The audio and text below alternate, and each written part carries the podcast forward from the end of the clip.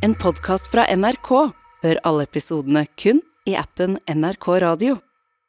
Du Nina, vi fikk jo storfint besøk i sommer, vi. Det er helt korrekt, Maiken. Det var nemlig Nigel eh, og Erlon fra det store utlandet USA som kom på besøk til Bredtvet.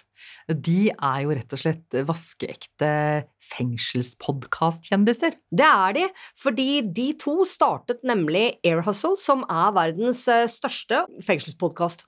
Ja. Innsatte i norske fengsler lager radio. Du hører Røverradioen i NRK P2. Velkommen til Røverradioen. Eh, Jeg heter Nina. Og jeg heter Maiken. De var jo utrolig morsomme mennesker å snakke med, men jeg, jeg var litt misunnelig på deg som faktisk fikk gjøre et sånn ordentlig intervju med Ørland. Ja, og det bør du være, og jeg var veldig glad for at det ble meg. Men du kommer til å få høre, du også, at eh, Erlon Woods er den eneste jeg vet om, hvert fall, som eh, fikk omgjort livstidsdommen sin fordi han rett og slett prata så bra på radio. Det er kult. Det er, ja, til inspirasjon, absolutt, vil jeg si. absolutt. Og siden eh, dette intervjuet da foregår på engelsk, så fikk du, Maiken, eh, oppgaven av å oversette det. Eh, Det gjorde jeg, så, så hvis du hører dette her på eh, P2, så er det jeg som får lov til å være stemmen til eh, Erlon Woods på norsk. Jeg lever litt på det. Ja, Ja. Så heng med, folkens. Erlon Woods, welcome to my castle. Damn, thank you. It's a nice castle. It's um very Erland Woods er altså på plass på Bredtvet, eh, og er ganske sjokkert, egentlig, over at det er avdelinger på Bredtvet eh, hvor damene ikke har eh, do på cella si. Oh, can I curse on here or no? Yeah, of course you can. Fuck that shit. That's some bullshit. Erlon er eh, produsent og programleder i fengselspodkasten Air Hustle. Han er også tidligere innsatt, Eh, så Nina lurer på hvordan han syns det er å være tilbake i fengsel sånn som nå. I don't want to say the word fun. I want to say it's always um for me it's always inspiring. You know what I'm saying? Yeah. To go in prisons and and and you know talk to individuals in there because Ørland syns jo ikke akkurat det er gøy, men han syns det er inspirerende å komme inn i nye fengsler og snakke med folk. Som oftest, når han drar inn fengsel i California, så kjenner folk til ham fra før og er glad for å se han. Han tror at nettopp fordi han har sittet inne sjøl og vært det han kaller en fuck-up, så kan innsatte kjenne seg igjen i ham og kanskje tenke at eh, kan han, så kan jeg også.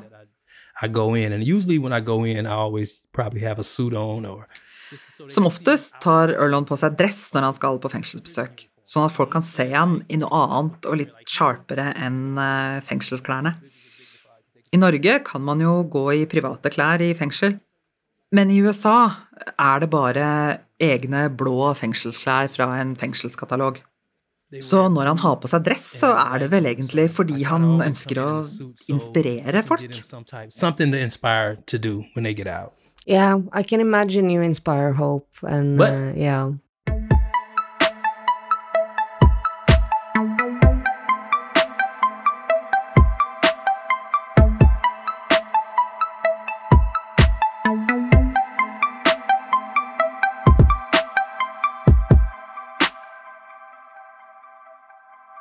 Your story is uh, rather remarkable, and um, but can we start at the beginning? Where did you grow up? I grew up in South Central Los Angeles, like the east side of Los Angeles. Um, and I grew up in a, a neighborhood that was, eh, I would, I'll say the ghetto, you know? Erlon vokste opp i South Central Los Angeles, et berykta og belasta område i LA, som Erlon beskriver som getto. Selv om han vokste opp med begge foreldra sine, i et område hvor fedre ofte var helt borte, var det mora som var ryggraden i familien, som i så mange andre familier. Erlon var en del av gjengmiljøet fra tidlig alder. Som helt ung var det bare som en stor vennegjeng for ham. Men etter hvert som flere rundt han lefla med kriminalitet, og det ble rivalisering mellom nabolag, ble også Ørland dratt inn i den gjengmentaliteten. I can't even imagine because we don't have that you know, much gang related uh. Nina sier at gjenggreiene er ganske fremmede for henne. Det pleide ikke å være sånn her i Norge, i hvert fall ikke da hun vokste opp. Yeah. I, I, I can I can imagine that's a beautiful life. yeah, well, in some ways. I likhet med Nina var ikke Ørland mer enn rundt 13-14 da han begynte å selge dop. Han starta med marihuana joints for en dollar, Then I had a friend that came up to me and he showed me a bag of, of, of crack cocaine. før han oppdaga at det var mye mer penger i å selge crack.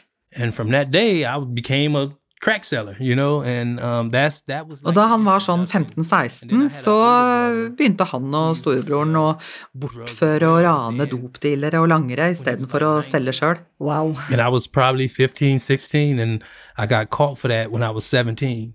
And, Knappe året etter at han starta med det, ble han arrestert for kidnapping mot løsepenger. well. I California er strafferammen for det livstid uten mulighet for prøveløslatelse. Men advokatene hans forhandlet fram en avtale om tilståelsesdom på ti år, og han sonet seks år og tre måneder, fra han var 17 til han var 23.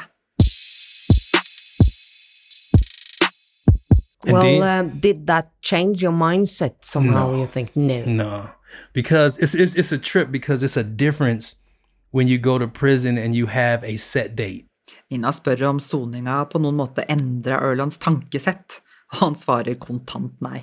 Because it's, it's it's a trip because it's a difference when you go to prison. Sammenligna med mange av de livstidsdømte han satt inne med, så så han liksom slutten på soningstida si og var mest opptatt av å være tøff og lage bråk.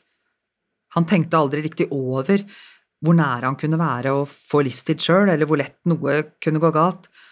Selv et knivstikk i leggen kan bli drapsforsøk og livstid, sier Ørland nå, men det tok han ikke inn over seg da.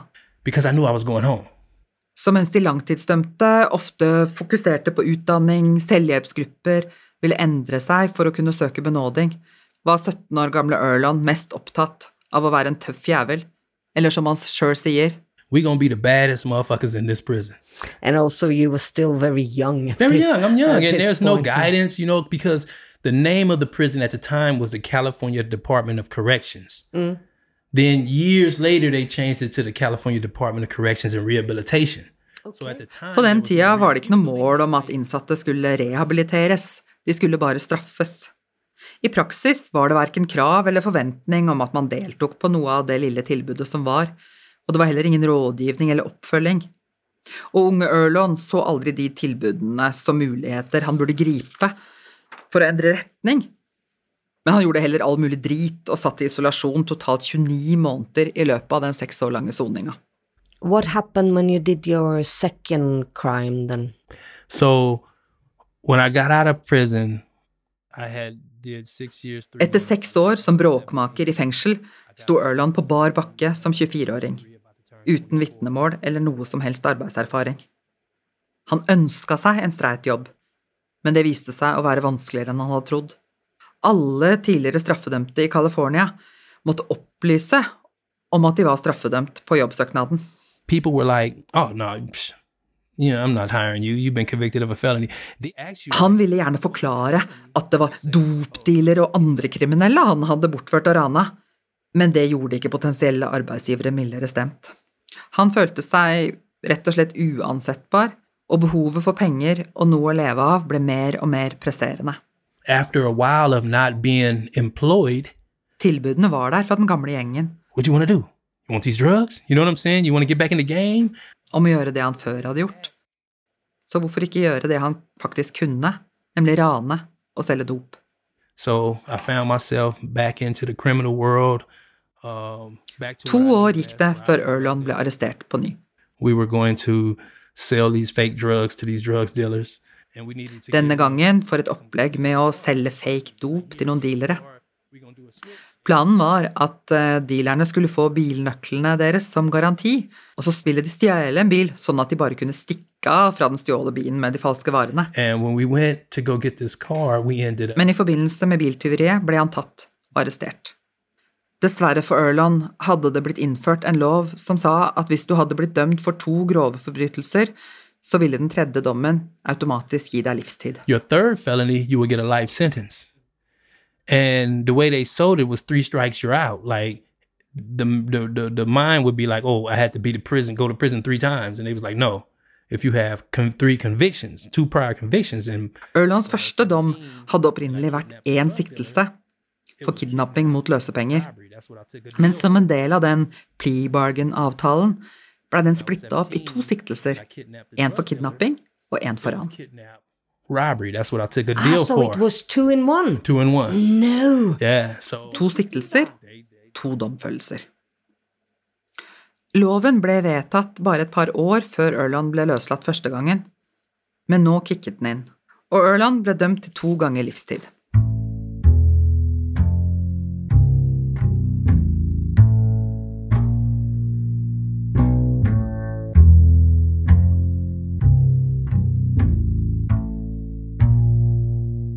Please tell me the difference between a felony and a crime.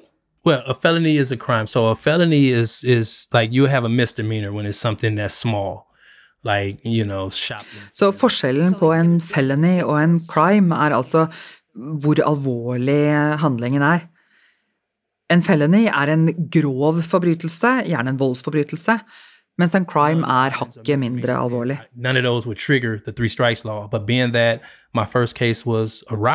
Og hvis du har en voldsdom på rulleblad, uansett hvor langt tilbake, så trigger det tregangersregelen om det går noe slags ny kriminalitet.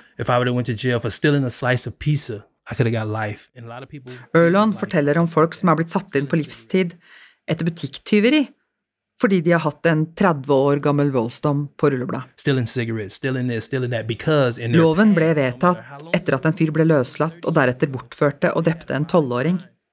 Det vakte veldig sterke reaksjoner, og loven ble banka gjennom uten så mye forarbeid for 26 år siden. So where did you start to- do your sentence then when you got life?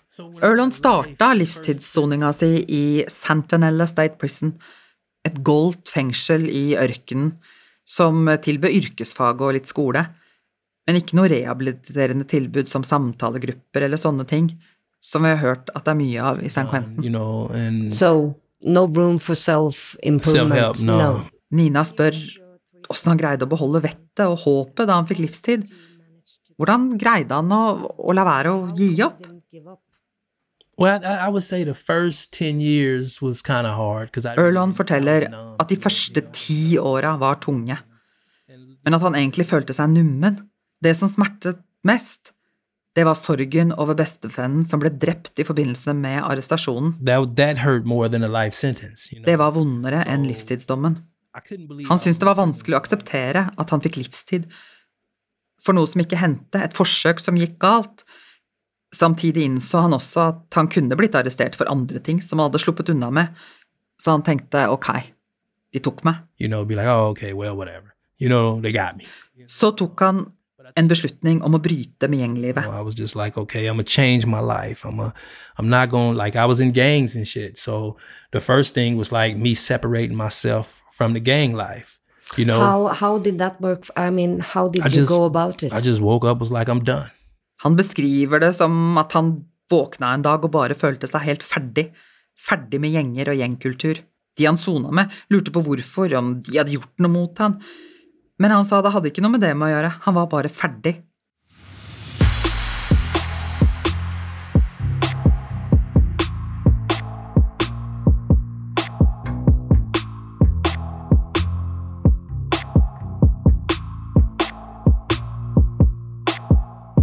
But so your fellow boys just accepted it after Yeah. a while. Yeah. And even though there was a lot of hiccups, like if I go to a new prison and people don't know that I swang like that, because um, they'd be like, homie, homie, what's up? And I'd be like, man, I ain't into that shit no more. And Han sa til gutta at han var ikke en unge lenger.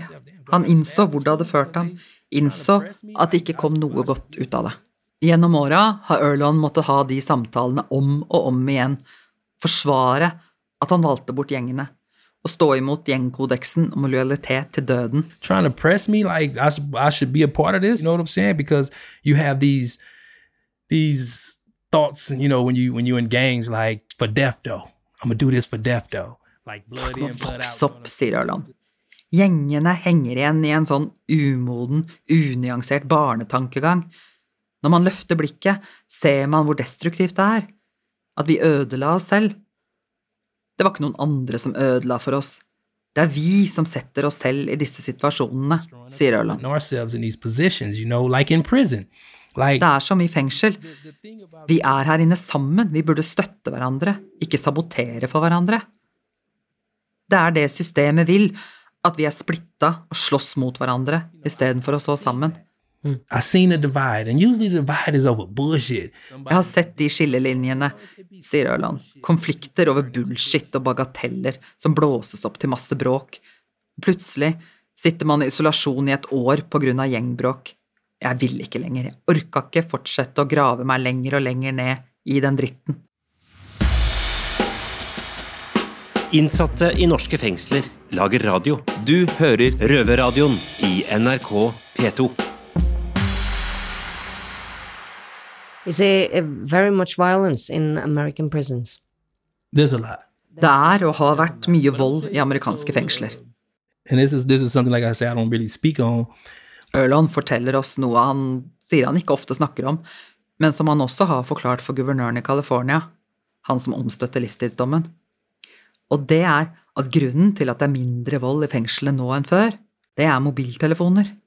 Innsatte smugler dem inn, og vil for all del ikke risikere at ansatte finner og konfiskerer dem. Violent, then there comes search the whole block. And Så man trekker seg unna konflikt istedenfor å hive seg inn. for For hvis det blir slåssing av vold, gjennomsøkes alle celler, og mobiltelefoner er livlinja ut. Innsatte lever familielivet sitt gjennom de telefonene.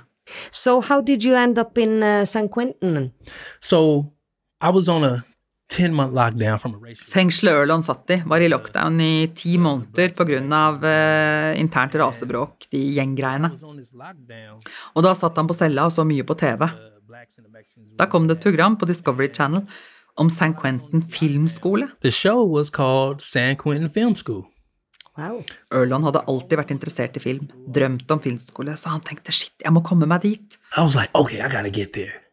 And you know, I was I was a level two prisoner, so I was housed in a maximum security, but I wasn't supposed to be in that in that prison because my points had dropped.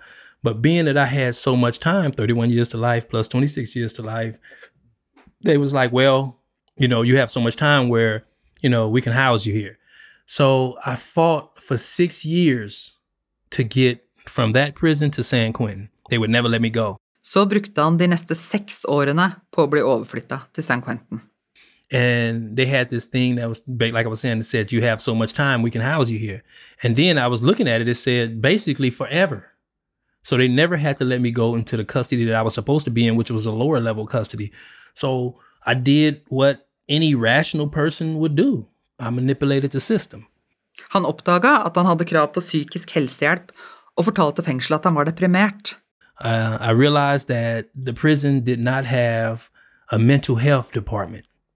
So I went to the mental health people and told them, I'm depressed.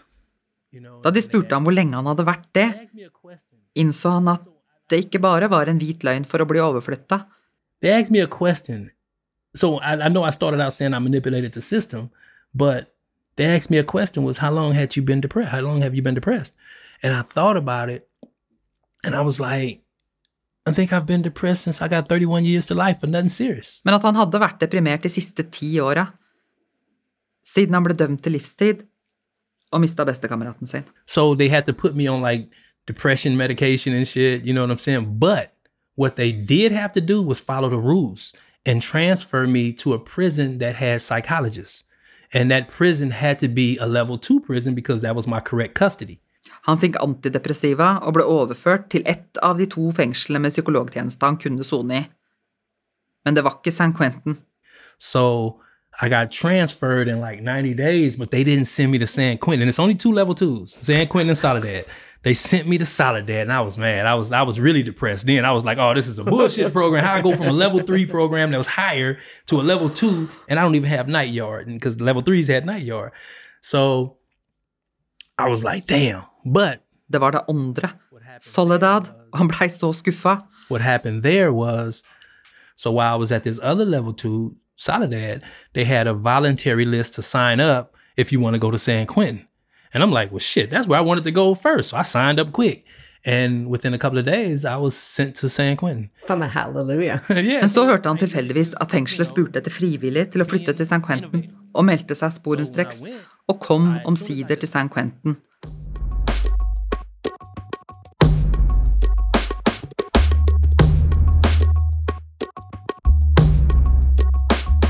So when I went, I as soon as I the, the day I got to San Quentin, or the next day, because I got there at night, the next day I knew one of the guys that was in the the um the San Quentin Film School. So I went and hit him up. As soon as I seen him, I was like, man, what's up with the film school, man? How can I get in? Bare for å oppdage at filmskoleprosjektet ble lagt ned seks år tidligere. Like etter at han så det programmet på He Discovery. was like, man, that shit ended about six years ago. Nei, no, you gotta be kidding me. And I'm like, what? And he was like, but the deal we made was that, you know, once it ended, we can keep all the equipment. He says, so we have the equipment down there so you can come down and, you know, learn, teach yourself how to do the shit. De innsatte hadde fått beholde kameraene og utstyret, hadde en liten medialab, så Erlon begynte å henge der. So I was like, cool. So I went down to the media center and just like that, they had the Mac computers and the computers had the software, they had cameras. And so what, what I was able to do was volunteer down there and we was go to the Lærte seg å bruke utstyret, leste seg på programmering, på redigeringsverktøy, begynte å lage små filmer fra fengselet når noe skjedde. like say they having a a, a graduation, uh, whether it's a GED, college graduation, whatever they have, and we can go film it, and then we'll come back and we'll make a long version of the film, and then we'll make a teaser, which is like three to five minutes. You know, so I was doing that, and that's how I got involved, like in in the media center, Der møtte han Nigel Poor. because she was a professor Ja. at San Quentin at the college that they have there. and Hun var she came over professor, to the class eller lærer, to do some type of doc- og hadde lyst til å lage en dokumentar om innsatte. and she came over to the class because she wanted to do some type of document documentary about you know um, prisoners and you know things that she was curious about but the problem was you need a lot of drive space to do that because you know film is a bigger space it'd be gigabytes of shit that you're recording and that they didn't have enough space for that Men fordi film krever så mye diskplass å lagre, var det lettere å ta opp bare lyd. So it was easier to do audio because it's smaller files. And we when she came and did that, you know, they had um, the local radio station that heard about it and they wanted to come in and start teaching radio production. I forlengelsen av det ble en lokal radiostasjon involvert, og starta kurs i radioproduksjon inne på San Quentin. Cool. And um, they did radio for about maybe three years. And um, she always used to talk to me like, "Hey, we need to start a podcast. We need to start a podcast." And I used to be like, "What's a podcast?" I'm like, I, I told her, I said, "Okay, cool." De neste tre årene maste Nigel stadig om at de måtte lage podkast. Then I was like, "Well, what's a podcast?" You know.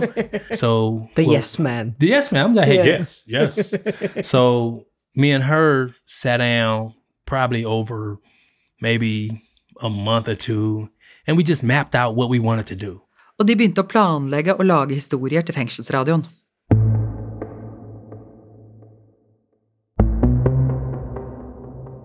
one day Nigel came into the institution and she was like, Hey, they having a contest at PRX or Radiotopia where they're looking for the next best podcast. And it was a contest called PodQuest. Do y'all want to enter? Så en dag kom Nigel og fortalte at podkastprodusenten Radiotopia hadde utlyst en konkurranse om den neste beste podkasten. Do y'all want to enter? And we was like, Yeah, let's enter. Because all it all it took was a a two minute a two minute promo of what your show is gonna do and what your show is gonna be. So even though we hadn't made a podcast, you know what I'm saying? We was just like, all right. So we thought about what we wanted to do and we did a one minute and 56 second um, promo of what we thought it was gonna be. Og uten at de hadde laga en eneste podkastepisode før, produserte de en såkalt pitch, en to minutters promo av det de hadde lyst til å lage. And And you won. we end up submitting it and out of 1536 other contestants in 53 different countries we end up winning and the prize. It was a prize. It was a ten thousand dollar prize, and a ten thousand dollar prize is what bought us all the the software and everything we needed to do the program, some keyboards, all kind of stuff. So Og så vant de hele greia, foran 1500 andre bidrag. For premiepengene kjøpte de opptakere og lydredigeringsprogrammer og det de trengte for å lage podkast, og så var de i gang med Air Hustle.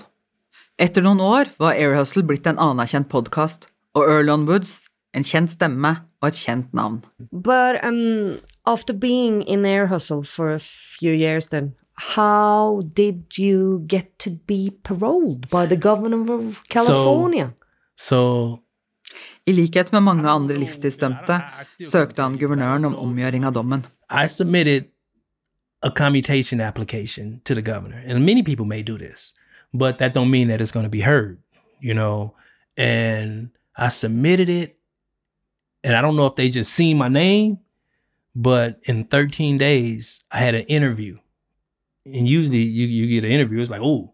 You know, so I had an interview from the parole officers that came and they interviewed me about my life, my education, my criminality, where I was, why did I want a commutation, and I answered all their questions. Disse søknadene kan ta lang tid, men hans ble raskt plukket opp.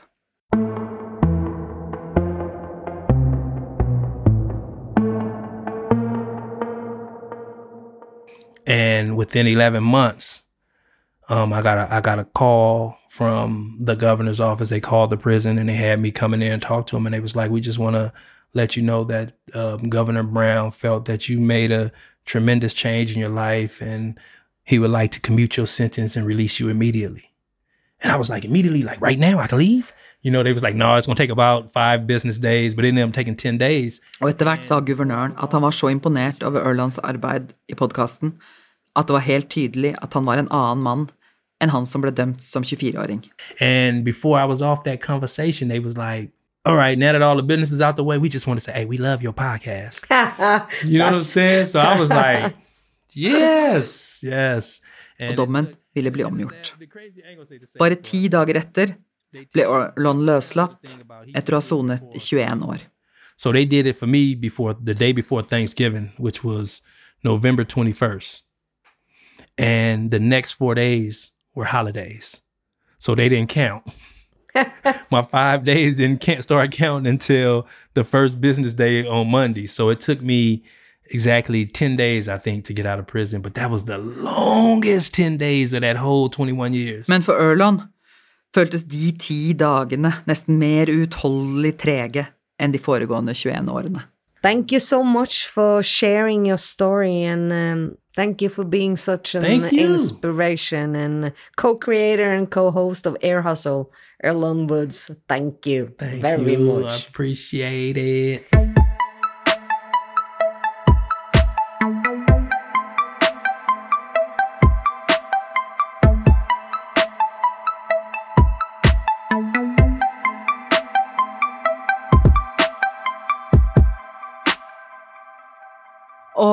Jeg syns jo at uh, norsk kriminalomsorg kan jobbe litt langsomt, men å holde på i seks år for å få overflytt, bli overflytta til St. Quentin, da Og så når han kommer fram, så er det han kom for.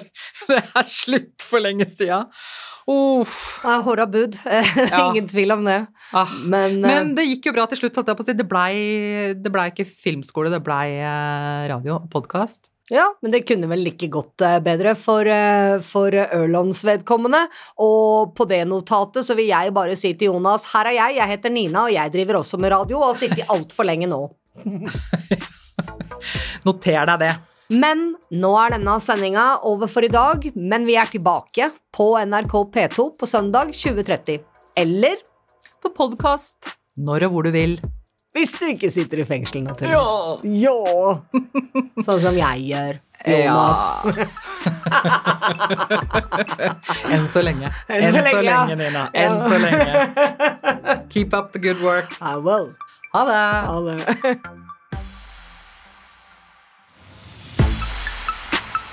Røverradioen er laga for og av innsatte i norske fengsel. Tilrettelagt for streitinger av Klynge for NRK. Og redaktør i NRK er Ole Jan Larsen. Du har hørt en podkast fra NRK. Hør alle episodene kun i appen NRK Radio.